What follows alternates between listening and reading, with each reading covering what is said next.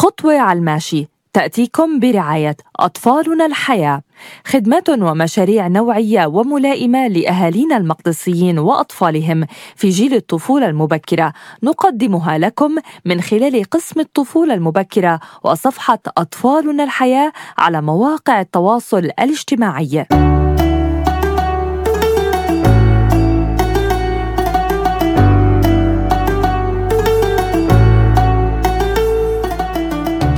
مشاهدينا ومستمعينا بنرحب فيكم من جديد بخطوة على الماشي.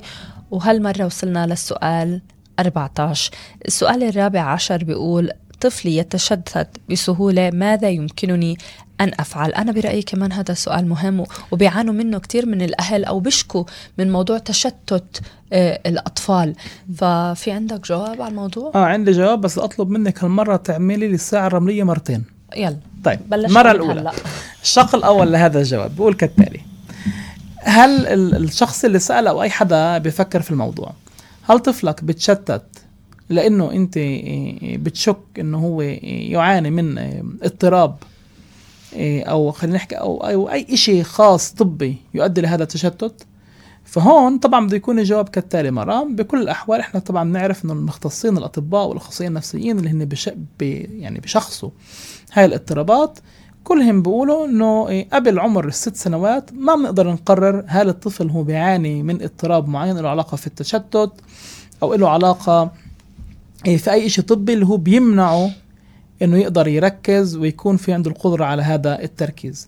فأنا كمان هيوم بدي أستغل إيه، البودكاست خطوة على الماشي كمنصة وأقول للأهالي وللأخصائيين والمعلمين والمعلمات قبل هاي الأعمار الصغيرة ما تحكوا أو تبدوا توسموا الأطفال باضطرابات معينة أو موجودة عندهم هون وهناك لأنه موضوع التشتت طبعا له أهل الاختصاص اللي هن بشخصوا أنا كمان أنا بشتغل بالتأهيل أنا ما بشخص.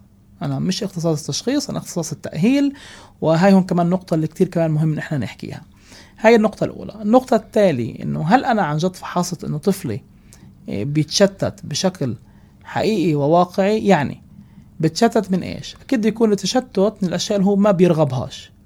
فهذا هون معناه إنه إيه، في عندنا هون كمان تحدي كثير موجود وكثير آه، آه، كثير بعيد على نفسه وأنا عمالنا أشوف إنه طفلي عماله يعمله السؤال الثالث اللي هو إيه، بيطرح نفسه بيسال نفسه إنه هل هو مثلا عم بتشتت من مهارة اللي هي غير مناسبة لعمره التطوري يعني إحنا كثير مرات مثلا بنشوف أهالي الأعمار أطفال سنتين وثلاث سنوات هناك إصرار على إنه هن يقرأوا وإنه هن يتعلموا الأحرف. وهون قبل ما تحطي الوقت الثاني بيكون في عنا هذا تحدي غير مناسب لهن شغلت الوقت الثاني فبدي أحكي الشق الثاني. تفضل. الشق الثاني بيقول كالتالي.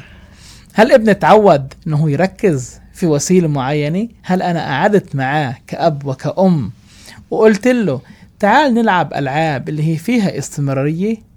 التركيز والانتباه هو أيضا عاده ومهارة يتم تعليمها واكتسابها للأطفال.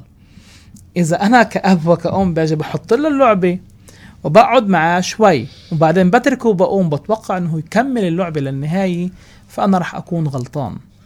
بالمقابل هل أنا قمت في اختيار ألعاب اللي هي بتزيد من قدرة الانتباه والتركيز؟ بمعنى إيش؟